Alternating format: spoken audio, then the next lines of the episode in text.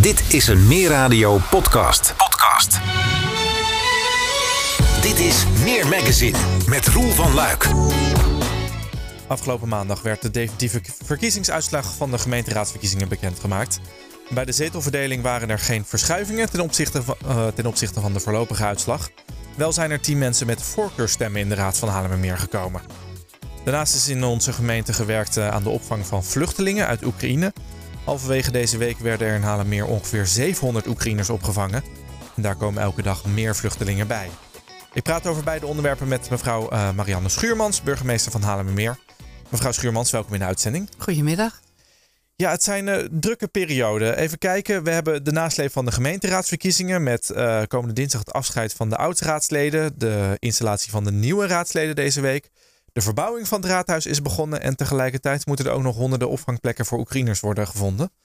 Hoeveel druk ligt dat op uw agenda?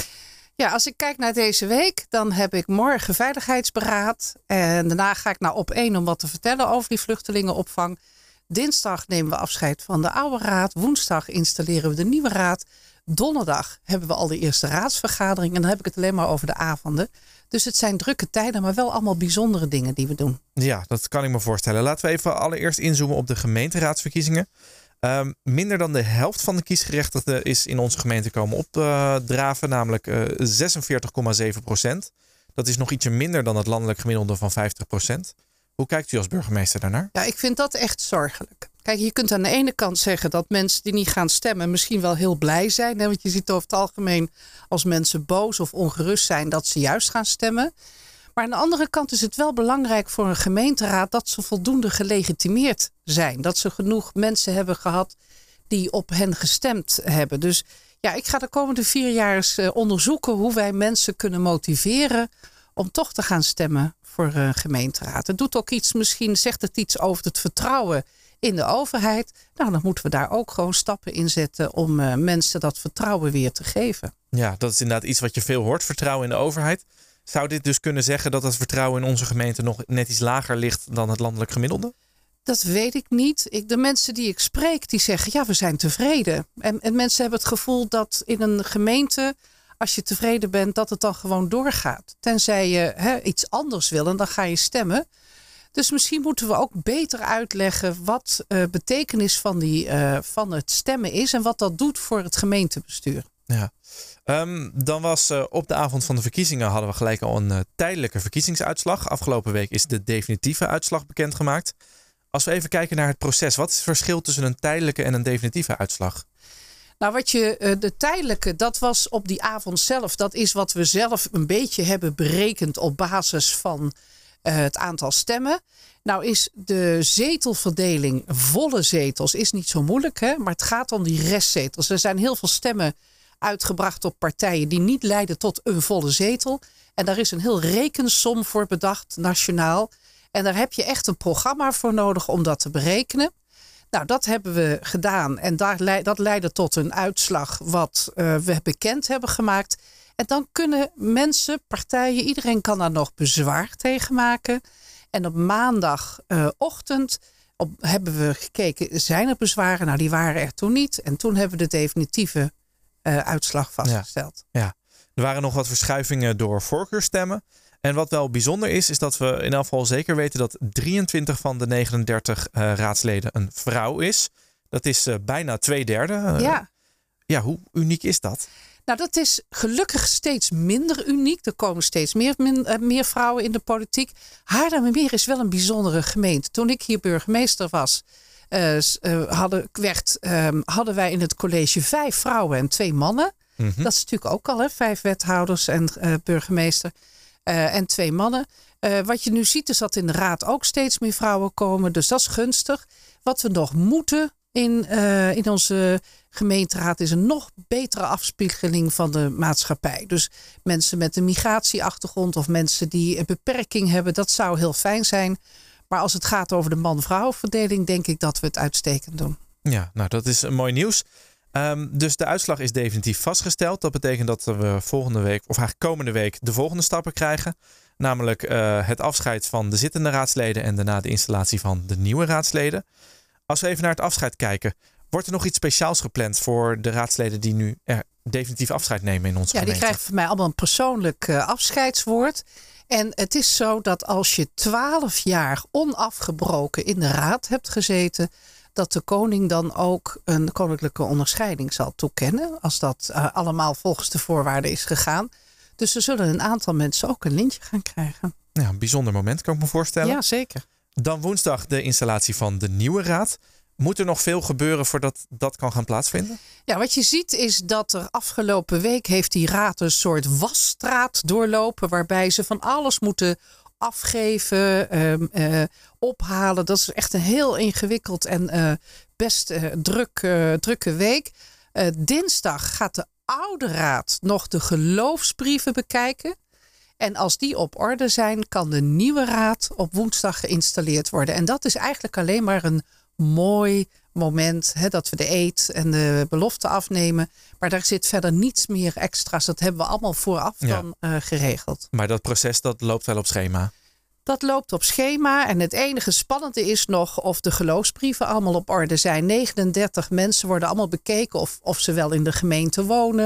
Er zijn een aantal eisen die, waar ze aan moeten voldoen. Dat wordt bekeken. En op basis daarvan geeft dan de oude raad.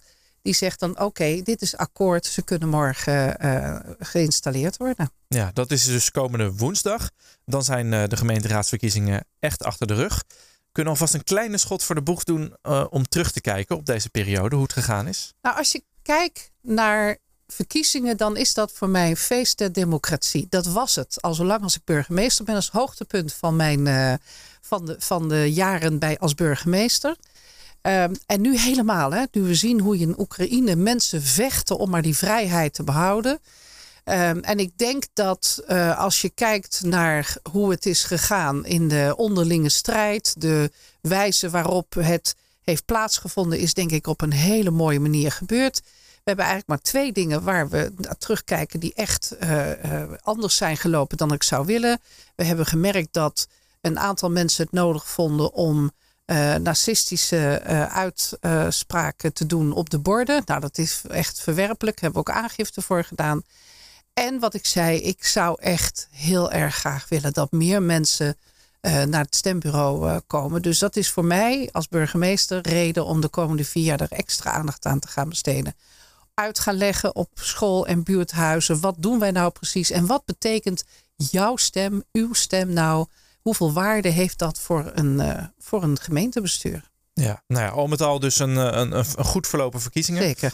Ehm, u noemde al eventjes de oorlog in Oekraïne. Die leidt er ook toe dat er heel veel eh, ja, vluchtelingen naar Nederland toe komen. Ook naar Haarlemmermeer.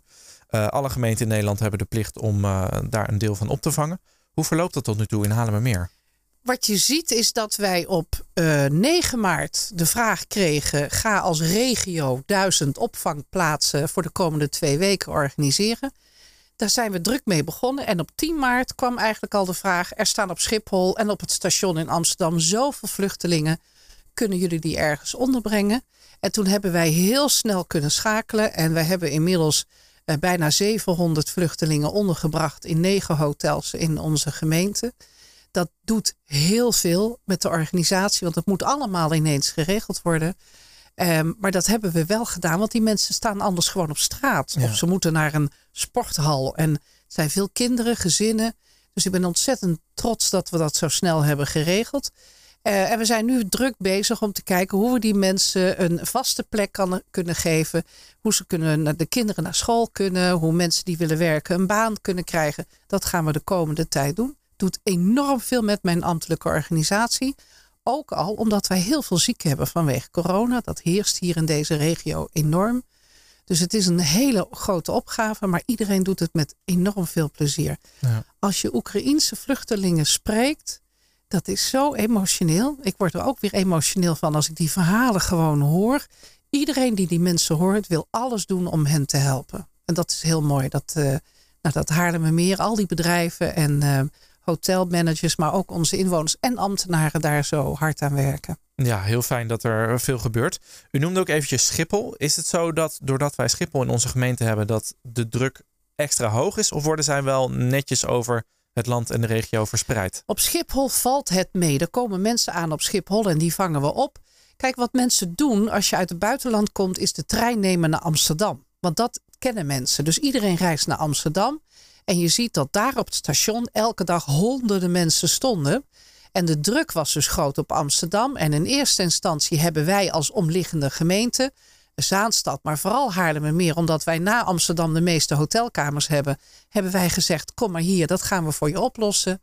En nu zie je dat in heel Nederland mensen worden opgevangen. Dus de spreiding, er is ook een speciaal systeem nu. Spreiding is uh, verbeterd. Ja. Hoe gaat dat in zijn werk? Want zij komen aan op, op Amsterdam Centraal, stel ik me zo voor. Ja, worden zij dan geholpen om nou ja, naar een plek gebracht te worden? Er staan op Centraal, uh, fantastisch zoals Amsterdam heeft geregeld, staan mensen van het Rode Kruis en van het Leger des Hels. Die vangen hen op, vrijwilligers. Dan gaan ze naar RAI, daar schrijven ze in. En vervolgens is er dus nu een systeem waarbij gekeken wordt naar welk deel van Nederland kunnen jullie worden gebracht. En dan gaat, gaan ze in een bus en dan worden ze gebracht naar die plek in Nederland die beschikbaar is uh, voor uh, de vluchtelingen. Ja. Als we naar onze gemeente kijken, dan zit het leeuwendeel van de vluchtelingen uh, op dit moment in hotels, toch? Ja, klopt. Uh, hoe, hoe, werkt dat? Zijn dat gewoon hotels die dat uh, ter beschikking stellen? Of worden zij door de gemeente nog ondersteund? Nou, wat wij vragen aan hotels is om dat te doen. En nou lijkt het natuurlijk heel interessant voor hotels, omdat ze lege kamers hebben en die worden bezet. Maar ze hebben best een paar uitdagingen. Want we weten, we hebben afgelopen half jaar ook al eerder vluchtelingen opgevangen. Niet uit Oekraïne, maar omdat alle vluchtelingenopvang uh, van de COA vol zat. En wat je ziet dat het enorm veel extra werk is voor de hotels. En ze hebben eigenlijk al een tekort aan horecapersoneel. Dus je, dat, we moeten echt hotels vragen van willen jullie dat doen? En dan doen ze het niet vanwege de uh, commerciële overwegingen, maar uit een soort maatschappelijk ondernemen. En dat zijn hotels die echt hun nek uitsteken en tussen de 80 en de 350 mensen opnemen. En daar heel veel extra's voor doen. Ja. Uh, maar dat betekent wel gesprekken, want we moeten hen ondersteunen. We moeten alle vraagstukken. Je hebt ineens mensen die ziek kunnen worden, die al, al, de hele dag vragen hebben. Kinderen die bezig gehouden moeten worden. Ze hebben geen kleding bij zich. Ze hebben geen medicijnen. Kinderen hebben geen speelgoed.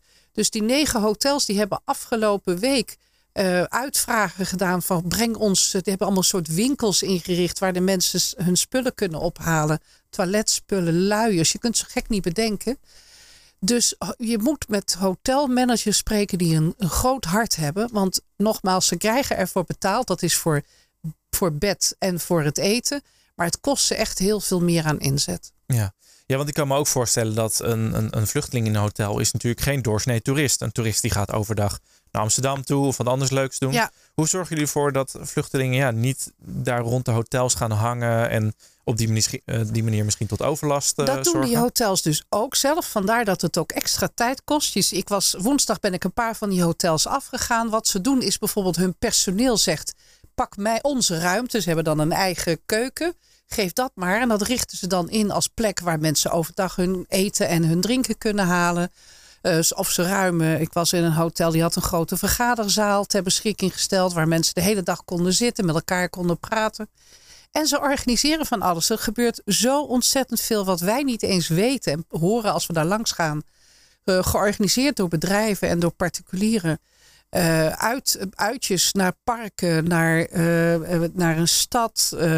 er wordt van alles georganiseerd om mensen bezig te houden. Ja. Uh, er worden fietsen ter beschikking gesteld. Er wordt vaak buiten iets ingericht, zodat mensen ook naar buiten kunnen met hun kinderen.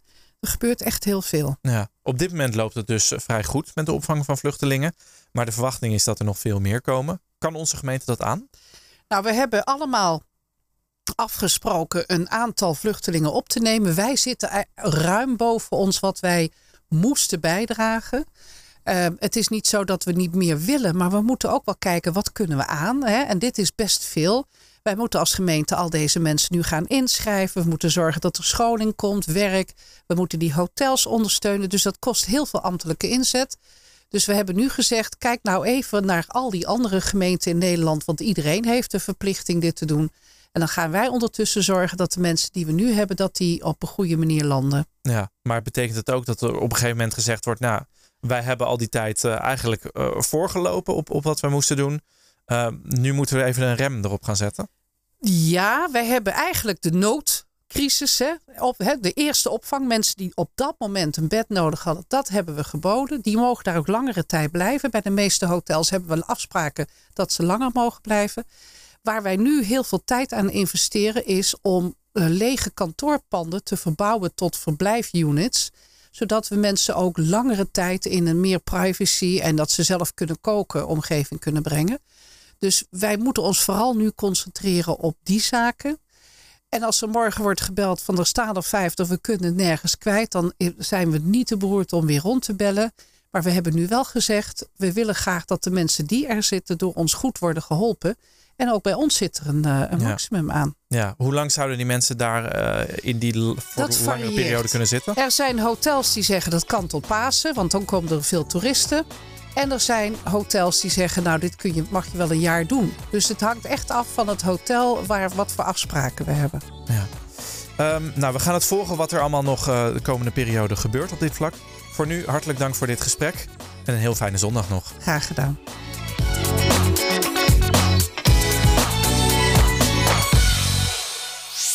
Meer magazine, meer radio, Haarlemmermeer.